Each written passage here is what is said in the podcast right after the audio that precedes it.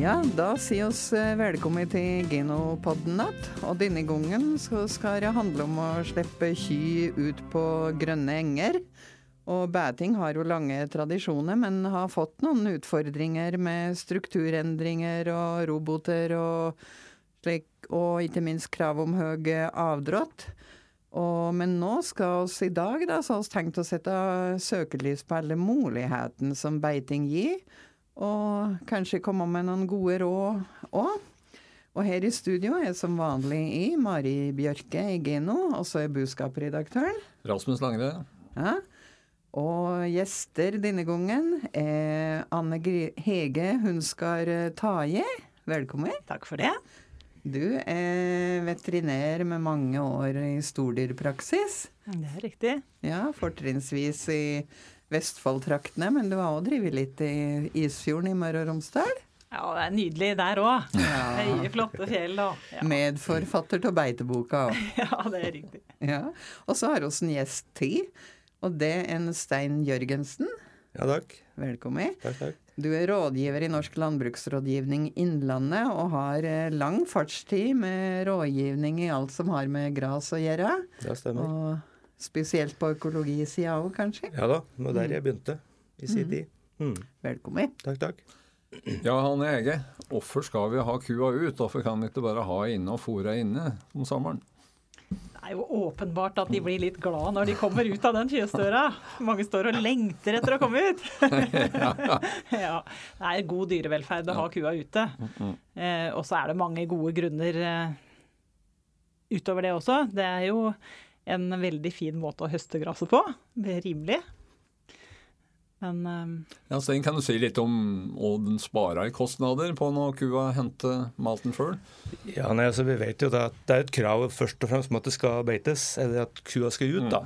Og jeg tenker at på et godt sammarsbeite så vil jo kua kunne ta opp en 10-14 fòrenheter. Og det koster, som du sier, ingenting.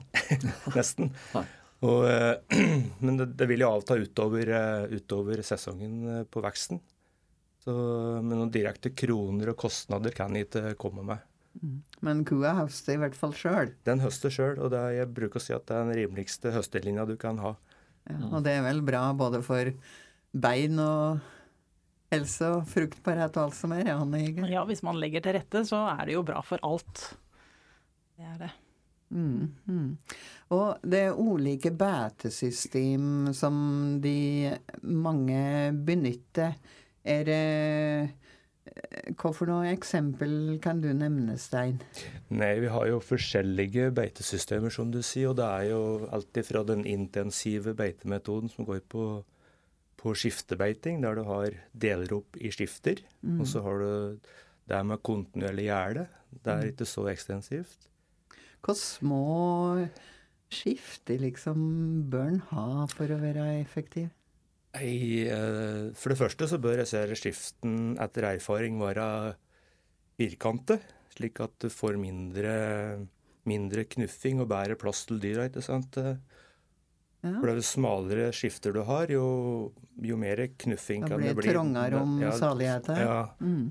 Og da får jo de lågt rangerte dyra kjørt seg litt hvis det er f.eks. trangt ved et drikkekar. da.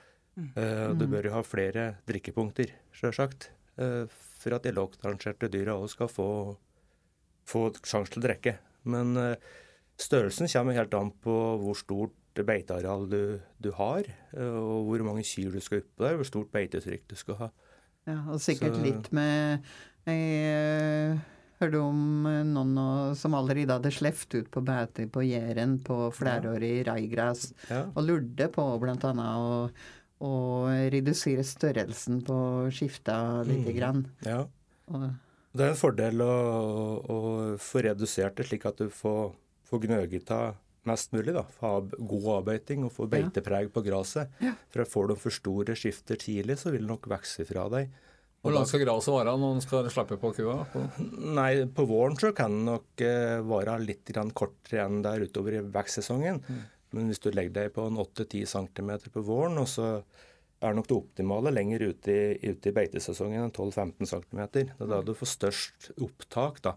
Mm. Og jeg tenker at du på en måte At kua eh, den skal ha flest mulig jafs, jafs per skritt. Slik at hun bruker tida på å beite og ikke å gå og leite etter, etter Ja. fôr. da. Mm, mm, Mm. mm. Så, øh, men hvis du eh, Anne Hege, du nevnte noe om å forberede, langtidsforberede beitesesongen i forhold til tankmjølk og celletall. Mm. Det er klart, Som veterinær så er jeg jo veldig opptatt av helse, besetningshelse, hele året, og ikke minst på beite. Eh, og akkurat som en forbereder slått og gjødsling og rydding langs eh, jordekanter og sånn, så kan en forberede kua på beitesesongen.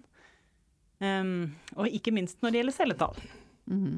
Og Ja, for celletallet er litt generelt, så går det opp om sommeren. det gjør jo ofte Ja. det. Uh, selv om det ikke gjelder alle, så vil nok veldig mange kjenne seg igjen i det. Mm. Og hvis vi har et, eh, et stabilt lavt celletall gjennom vinteren, så har vi jo en mye mer robust kuflokk når vi kommer Mm. til beitesesongen. Og da er det ikke så mye bekymring.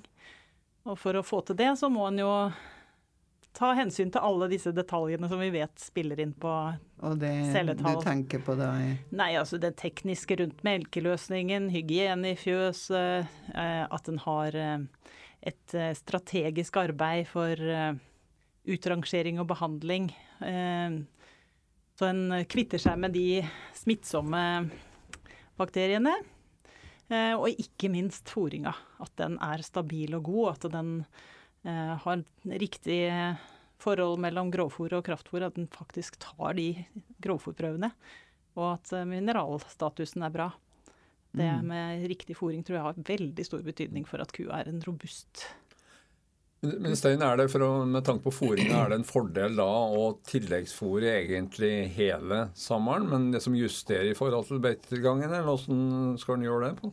Ja, du ser liksom på Nå blir det jo mer og mer robåter eh, rundt forbi. Og, og da mener jeg at motivasjonen for å få dyra til å gå ut, det er jo å ha noe fristende ute, ikke sant. Mm. Eh, men samtidig så må du ha noe som frister dem til å komme inn igjen, da. Ja, ja. Da mener jeg at da må du kanskje ha et noenlunde godt tilleggsfôr eh, inne på fôrbrettet, da. Og ikke minst da kraftfôret som de får inne, da. da er det klart at den stabiliserer helt sikkert eh, denne vomma med å ha litt surfôr i tillegg til det, Ja. i hvert fall vårfôret Ja, ganske klart. Ja, ja. Ja, for det kan bli heftig. Det hvis kan bli er, en litt heftig Ja. start, ja. Det Ja. er skikkelig krutt. Ja, Ja. Mm. ikke sant. Det å balansere vomfloraen litt, det er viktig. Mm. Hva, hva er det viktigste da, når du sier, hvis du tenker praktisk kunnskap for bonde, balansere Mm. vannfloraen? Nei, altså, du, du kan vel nesten se det litt bak, kan du ikke det? Det som kommer ut. Det var et godt poeng, jeg følger med det. ja. Jeg, Ja, altså, jeg, jeg hadde en bonde som sa det at eh, jeg er ikke så nøye med seg fòrplanen, sa han. Jeg fôrer etter det som kommer ut bak. ja, ja, ja. det er nok et godt poeng. Ja, det er, altså. det er i hvert fall en Ja. indikator. Og så Ja. kan en jo selvfølgelig følge skal- med på ureatall, ikke sant. At en Ja. passer på at en, en eh, har eh, riktig balanse mellom eh, karbohydrater og proteiner og mineraler. At Ja. Men hva, hva er det du skal se etter bak, da? Å, det tror jeg de fleste bønder vet. om det kommer ut det veldig tynt, denne her møkka, eller om det er eh, litt mer eh, normal konsistens. Ja, for Jeg leste en gang at det var noen som sa han sammenligner med ideell kuruku er som en sånn sixpence som er slengt på bakken. Det, Og at sammen litt eh, Ja, ja, ja. det, er, I det tror jeg ikke det er så Nei, det er veldig vanlig i Nei. eh, løsdriftsfjøs, eh, i hvert fall. Eller robotfjøs. Så tror jeg nok at møkka ofte er litt i tynneste laget jevnt over. Men eh, vi ser nok når vi slipper på beite at det er nok mm, mm. noen ganger vi gjerne skulle hatt litt fastere konsistens. Ja, ja. Ja. Mm. Men eh, hvis vi tenker på sjølve betet litt òg, da. Ja. Eh, hva slags eh, gras egner seg best eh, til den bruken, altså? Jo, nei, altså, det er mange som beiter på den vanlige slåttenga si. Ja. Men min påstand er nå i hvert fall at du må ha med, ha med kvikløveren og engrappen i tillegg. For er den vil jo den vokser utover med det vi kaller stoloner, da, eller røtter Ja. som går langs med bakken. Ja. Og den ville da fylle opp tråkkskader og sånne ting. Og så har du da timoteien og, og, eh, og engsvingeren som må være med i beiteblandingen. Ja, og det, og det er jo Altså, en del har helt sikkert eh, gammel eng òg, eller halvgammel Ja, ja. eng. Det er uh, ingen som blir enige om hva som er gammel og ny eng. vet du. Det er liksom Nei, det er Et strekkbart tøyere begrep. begrep. Ja, det er ganske strekkbart. Mm, mm, mm. Så Men eh, Anne Hegge, det er mye bra med beiting, men det er noen eh, utfordringer. Og dette med snylter, snylteproblematikken må vi jo litt innom. Kan, Ja, du, det må vi jo ja, nødvendigvis. kan du si litt om hva det er i første rekke man må Ja. tenke på da? Tenker du mest på de innvollsparasittene vi har, eller tenker vi på litt begge deler? Det er jo litt Både- begge deler. Ja, ja kanskje lettest å starte på det som er utvendig, da. For det er, ja, det er liksom det enkleste å forholde seg til. noen, ser i hvert fall eller noen av ja, ja, det er særlig fluer og flått som er eh, problemet med. Um, når det gjelder ektoparasittene, de utvendige parasittene, Um, og det er jo relativt greit å forholde seg til. Jeg tenker bestandig så er det viktig å forebygge framfor å, å um, behandle, så vi må prøve å tenke forebygging hele tida for ikke slippe eh, sykdom for tett innpå. Da får vi jo dårligere produksjon og dårligere fruktbarhet, og det er mange problemer med det. Vi vil helst ha best mulig økonomi og minst mulig trøbbel. Um, men akkurat når det gjelder eh, de utvendige parasittene, så um, er det jo på en måte forebyggende behandling som gjelder. Både bør vi jo sørge for at det ikke klekker så mye fluer i fjøsene, og vi, vi kan behandle dyra med en stripe på ryggen en gang i måneden for å unngå flyer og flått. Og da unngår vi jo også en del smitteoverføring. Fluene tar jo med seg mastittbakterier, kan lage sommermastitt av og til, eller gir irritasjon, og det kan jo bli mye mindre rolig veiting òg, for den del. Så um, det er eh, greit å kvitte seg med dem. Og utfordringa med flugge likt over hele landet? Nei, det er jo selvfølgelig verre etter hvert som det blir varmt og fint Ja, og ja. trivelig å drive, og der hvor det er fuktig. Ja, Og, ja. Vi vet jo åssen det der er. ja. Ja. Men for deg som er innvendig, da. ja. Um, det kunne jo vært spennende akkurat å nevne flåtten nå, Ja ja. hvis vi får lov. ja du skal få lov. den holder på å spre seg litt utover landet. Den sprer seg landet. utover, og Ja. den er jo også veldig irriterende. Og den kan jo også ta med seg smitte. Mm. Eh, dels eh, kan den lage sjodog, som vi har i noen områder, som er eh, smitte fra vilt eh, og ville hjortedyr da, via flåtten. Og som kan lage veldig høy feber og produksjonstap osv. Så, videre. så det er greit å unngå. Og så har vi babesia, som eh, lager eh, blodpiss, kalte min farmor det. Ja, jeg har vært vant med uttrykket blodpiss. Ikke sant, Ja. da? Ja. Og Det er en encella parasitt som legger seg inntil disse her røde blodlegemene, og så ødelegges de, og så skilles det blodfargestoff ut i urin. Og i enkelte områder så er det mye av det her. Og for veldig mange generasjoner siden så tok de og kokte avkok av Linnea-planta og behandler dyra sine. Denne av dere som lufter så godt? N- Det er en bitte liten, Ja. nydelig Linnea. Jeg har aldri sett noe det kanskje fordi at de behandler så mange sånne kuer med blodpress. Men nå har vi medisiner som kan fikse det. Men det beste er jo å forebygge mot flåtten. Ja. Så- Men, men så litt Nå, to ord om eh, de innvendige òg. de innvendige. Åh, det er jo veldig mange flere enn to ord der, vet du. Ja, ja.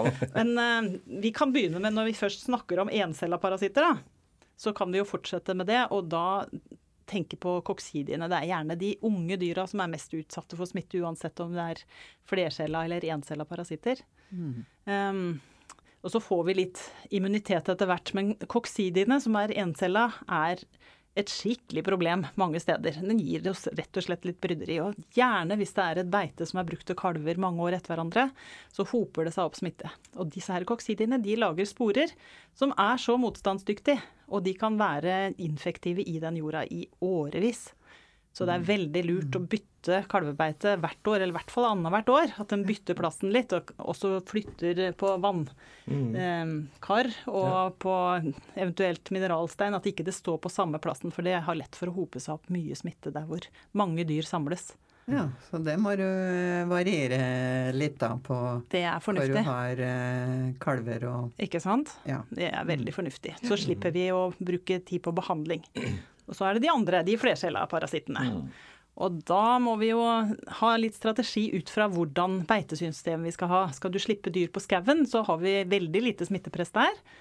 Eh, Da kan det være, hvis de går litt på innmarksbeite først, så kan det være lurt å behandle etter innmarksbeiteperioden, og også ved innsett om høsten. Og da bruker vi enkle midler hvor vi kan bare helle litt over ryggen. Ja, det Veldig greit. Det er jo så enkelt. Sånn. Ja. Da, da får du litt gode råd fra veterinæren. Og det ble litt stilt fra Stein og min. Ja, når ja, det er mye god lærdom i dette syns jeg. Og har du samme beite år etter år, så, så må en jo nødvendigvis sørge for at det blir en annen behandlingsstrategi. Ja. Men jeg tenker også på, på beitestrategiene. Det kan, Ja. eh, kan være veldig viktig for å forebygge Snyltere. innvollssnyltere. Ja. Men skiftebeiting og Mm, Nå ser vi jo ofte at beita kommer igjen til mjølkekua på samme arealet, som er nære fjøset. Men ofte så blir de jo på en måte tatt opp igjen, de beiter om ofte, da. Eh, Så det er jo eh, intensive beiter. Men eh, du sier at det er viktig også å skifte beite. Men er det nok å pløye det? Og så ta det på igjen og sove på nytt, eller vil du finne at disse her eh, De fleste parasittene begrenses nok veldig i mengde Ja. når du tar opp et beite. Ja. Mm. Nå skal vi ta oss en liten hopp i programmet og ta en tur til innbygda mi, Sør-Fron i Gulbranddsdalen. Der skal vi møte en eh, eh, ung, eh, oppegående bonde som heter Hans Ulberg, som eh, har fortalt vår utegående reporter Turi Nordengen åssen han har løst sin eh, moderne drift med beiting av rug og reigras. Eh, navnet er Hans Ulberg og driver eh, mjølkeproduksjon eh, på baksida på Sør-Fron eh, i Gudbrandsdalen. Eh, har ca. pluss-minus 40 årssky. Eh, og litt over 400 tonn i kvote. Kombinasjon av egd og legd. Mhm. Og åssen beiter du? Eh, nei, det har på en måte vært ei, eh, ei ei reise fra å starte med å bruke um, en vanlig Timothy-eng eh, til å nå ha gått over på rug og reigras. Har vel egentlig gjort det så jeg har forfulgt siden 2015, så det begynner jo å bli noen år, da. Men eh, det starta liksom som i utgangspunkt med at eh, jeg syns det var dårlig utnyttelse av fulldyrka jord, som vi må bruke, for det er det jeg har rundt fjoset. Um, og var i ferd med å gi det litt opp, for at jeg syns ikke jeg fikk eh, kua til å eh, bruke arealet effektivt. Eh, men så, etter forsøk med haustrug, høstrug, vårsådd høstrug og italiensk raigras, så hadde eh, gitt veldig gode resultat. Og en tidligere tiderådgiver eh, gjorde noen beregninger hos oss på opptak, da. Og beregna vel et opptak tilsvarende som avling på rundt 580 fòrenheter eh, på målet. Eh, og det er jo eh, Da er liksom utnyttelsen grei. Eh, Da syns jeg det går an å forsvare å bruke bruke fulldyrka jord til det. Som jeg tror veldig mange er litt skeptiske på. At de tenker at eh, eh, oss trenger den fulldyrka jorda til eh, å dyrke vinterfôr. Det var vanskelig å, vanskelig å bruke den jorda til bete. Men eh, når en eh, kan oppnå slike avlingsnivå, så blir det historien litt annen. Ja, Stein. Med slike avlinger som en Hans Ulberg eh, prater om, så er det ikke så rart at dette har blitt populært. Men kan du si litt om hva som er viktig for å lykkes med et sånn rug-raigrasbeite? Ja, så jeg vil først fortelle litt om åssen dette kom inn i landet. da. Ja. For det var, eh, det var opprinnelig noen økologer som var på tur i Danmark. Eh, Danska de opplevde det de kalte kløvertretthet. Og eh, fant ut at de måtte dyrke noe annet på arealet sitt. Og da var det da en smart økolog som fant ut at han skulle blande eh, rug og raigras til beite. Og dette var det jo noen herover som snappa opp, og så var det en børns fra Trøndelag som reiste nedover og tok med seg dette opp igjen. Og det har bredt om seg, da. Og men Hans var vel en som begynte tidlig med dette her. Og eh, nei, det som, For å lykkes med det, så må det jo på en måte være utpå tidlig nok. Som jeg prata på litt i stad, så burde det kanskje være utpå enda før. For å få et beitepreg på, på rugen. Ja, for går det, Er du for sen der, så da er det på en måte gjort. Ja, for det er rugen den har de, kall det hjernen sin, da, at den skal skyte. Mm. Han skal jo sette frø, han skal jo bli korn. Eh, Så, det er, så fort du får eh, stræ, så vil kua, kua gå forbi det, det fôret. Ja, så da må du pusse. Da må du pusse. Eh, Ja. Da er det, det er ofte for seint da òg, egentlig, for da er det på en måte kjørt løpet. Mm. Så det å holde det trykket oppe på beitinga, det er kjempeviktig på, på rug og raigras. Ja, for det er litt av fordelen at du da får du liksom rugen som gir stort bidrag tidlig, og så Ja. raigraset som kommer inn når, eh, senere, og som gir en lang Helt riktig. Ja. Da disse vekstkurven møter den liksom ute i august en gang. Ja. Men da er det innkorten må være litt obs på, for dette blir heftige saker å få i kuvomma. Det går jo an å balansere hvis en vet hva en har. Ja. Både grovfôr og kraftfôr, så må en jo bare tilpasse det. Mm. Sånn at den får optimale forhold. Ja, og vi er litt opptatt av det når vi lager gjødselplaner at, at de som har rug raigras, at de ikke at de ikke gjødsler for hardt med, med kaliumgjødsel, kaliumrik gjødsel. Altså det, er- det er ofte tilstrekkelig med den husdyrgjødsla du kjører på om våren, med to til tre tonn med, med bløtgjødsel på våren. Og de som driver økologisk, de, har jo ikke, de kan ikke bruke fullgjødsel, så ofte så er det den gjødslinga de gjør om våren, er det som gir det vekst utover sommeren. hvor lenge etter du har hatt på møkka, må du vente før du beiter? Ja, Du tenker på når du Ja. sprayer på vanlig beite? Ja, og, ja. ja, nei, da en tre-fire uker, tenker jeg da. Jeg vet ikke hva dyrlegen sier, men det er i hvert fall det vi anbefaler når vi er ute. Mm. mm. Nei, det, vi, vi kan jo, Et tema vi, vi må innom, og det er jo dette her med mjølkerobot og, og beite. Som, for nå blir det flere og flere mjølkeroboter, og det vil jo bare, bare fortsette. og Vi kan begynne med deg, Janne Hegel. Liksom, har du noen eh, tips i forhold til hvordan best mulig skal lykkes med den kombinasjonen? Det ser jo ut som eh, veldig mange som har eh, beiter i nærheten av fjøset, får dette til å fungere fint. Noen velger jo da å ikke ha vann eh, ute, Mm, mm. så de må inn og drikke. Men Er det noe god anbefalt løsning? Ja, det kan du lure på. Vi vil jo gjerne ha vanntilgang så de skal produsere mest mulig òg, men eh, det er vel litt forskjellig hvor, eh, hvordan de løser det med den praktiske avstanden ut på beite osv. ja, du må ha en løsning som fungerer. Du må ha en løsning som fungerer. Enkelt, men eh, ja. jeg ser jo noen bruker, bruker en smart gate ut på beite og får det til å Mm. fungere fint. Det som er kjempeviktig, er jo det som vi snakka om litt i forberedelsene Mm, her, ja. med, med gangarealet Ja. ut fra fjøset. Mm, At ikke det blir for klinete akkurat Mm. der. At ikke det er for grov pukk, så en har problemer med at det blir knusninger i klauer osv. Så, videre. så det å ha en fin løsning akkurat ut og inn av Er det fjøset flis, eller hva er det som er best da? Noen bruker jo gummimatter, noen har betong som de skraper, noen har eh, vanlig grus, ja. Så det er jo det er litt forskjellig. Men, men det lønner seg å legge noen kroner i litt tilrettelegging her, hvis en skal få, ja, det det maksimale ut av beitinga. Det syns jeg, og det blir jo også mye mindre smitterisiko sånn i forhold til jurhelse, hvis det er mindre klin.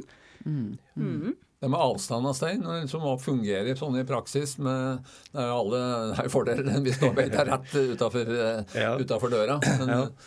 Nei, altså, Jeg har erfaring med at det, bør ikke være for langt. Altså, jeg, Det som du er inne på, det her med drivganger og at det, de er breie og fine og gode å gå på, det er kanskje enda viktigere enn avstanden. Da, for på en måte, Kua går jo langt, den. Men, eh, men til drekkekar så bør det nok ikke være mer enn 150-200 meter. tenker jeg. Du, vi vet at det er ku som, ku som mjølker rundt 30 kilo om dagen, trenger vel er det en 100 liter. Trenger gjerne en 100 Cirka liter, om dagen. det skal du jo rekke å ta opp. Det, det er jo litt det. Det er mye. Og så vet vi jo det at de trekker lettere tur et vannspeil enn tur et, et kar. mm. At det du på en måte har Jeg ser at det blir brukt gamle badekar, Det og det funker fint. Det? Du trenger ikke noe high-tech for å få dette til å fungere. Bare at det er viktig at de må være reine og fine, de drikkekara. ja, det må badekar. Ja, ja, jeg tenker det er viktig. At det er kanskje også at det har noe, som jeg sa i, i stad, at det er, det er noe som motiverer dem til å gå ut. Jeg kan jo nevne en historie som jeg nevnte i forberedelsen her, at det var en bonde jeg kjenner som hadde raigrasbeitet sitt bortest eh, på enga. Og så hadde han timoteibeiter, så han skulle prøve at det var inn, mest med prøvinga. Og han hadde satt opp alle porta til alle timoteiskiftene. Men kua bare løp forbi dem og rett borti rai og, rug, altså. Så det er ganske Det er, så, det er så Akkurat som å lufte hva som er best. Det er så sukkerrikt og fint, vet du. Og jeg har jo klippet ut noen prøver på det, og det, er liksom, det ligger jo på over én i forhåndskonsentrasjon. Jeg bruker eh, forhåndskonsentrasjon, ja, for det skjønner bøndene. Men det er dette du kaller sukkertøy på strå? Ja, dette er sukkertøy på strå, altså. Ja. Ja, absolutt. Mm. Så legg til rette for at kua trives. Og, Mm. Og så nevnte jeg dette med kalium, for det er mye kalium i det. Mm. Slik at det er det ikke gjødsle med kalium. For det, det konvensjonelle kan jo gjødsle på med, med gjødsel utover sesongen. Det er, de fleste gjør jo det, og det er viktig at du velger ei, ei, ei nitrogengjødsel uten mm. kaliumfosfor. fosfor. For da får du tilført det på våren. restriktiv med kalium, så Ja, ikke for da kan det bli et problem på dårlig. fjøset. Mm. Ja, nei, Vi har jo en eh, tradisjon her i podden når, når vi begynner å nærme oss slutten. og Det er at eh, gjestene våre får komme med sitt aller beste tips. Så, så nå er det deres aller beste tips for en vellykket beitesesong. Eh, Anne Hege først. Da tror jeg jeg må si forberede godt, og legg litt energi i å forebygge. Ehm, det blir mye mer spennende uansett hva en gjør, hvis en forebygger og fintuner drifta. Da får en bedre økonomi og bedre dyrevelferd, bedre trivsel for bonden, og det blir mye mer spennende. Så samarbeide litt med rådgiver og gjerne veterinær, og høre på de erfaringene som andre produsenter har. Mm. Mm. Du Også- Ja, nei, altså, jeg satt og tenkte på det, og der jeg tror det enkleste og beste rådet jeg kan gi, det er å rett og slett være litt flinkere med å bruke beitepusseren. For der ser jeg at det er mange som, eh, som slurver litt. Så ikke vær redd for å starte tidlig med beitepussing, for det vil jo fremme vegetativ vekst på plantene. ikke sant? Og raigras, hvis du beiter på det, så vil jo det sette i gang buskinga på, på raigras mye bedre. Da får du tettere og finere beite. Så eh, fram med beitepusseren, sier jeg, og bruk den. Det høres ut som gode råd. Det var gode tips, ja. Da må vi bare få lov å si tusen takk til alle dere som har hørt på oss. Og ikke minst takk til gjestene våre og Anne Hege Hunsgaard Taje, som snart begynner i Geno. Det blir spennende. Ja. Og en Stein Jørgensen i Norsk landbruksrådgivning Innlandet. Takk for alle dere gode råd. Og neste Genopod kommer første onsdag i juni. Send oss gjerne spørsmål om det er noe du lurer på. Og du finner Genopodden på alle vanlige pod-apper, og sjølsagt på Geno sin hjemmeside. Og da gjenstår det vel bare å ønske alle lytterne våre lykke til med god planlegging av beitesesongen. og Kanskje dette året er året for å finne på nye løsninger, også bruke beitepusseren. Det er kjempeviktig. Takk for det. Ja.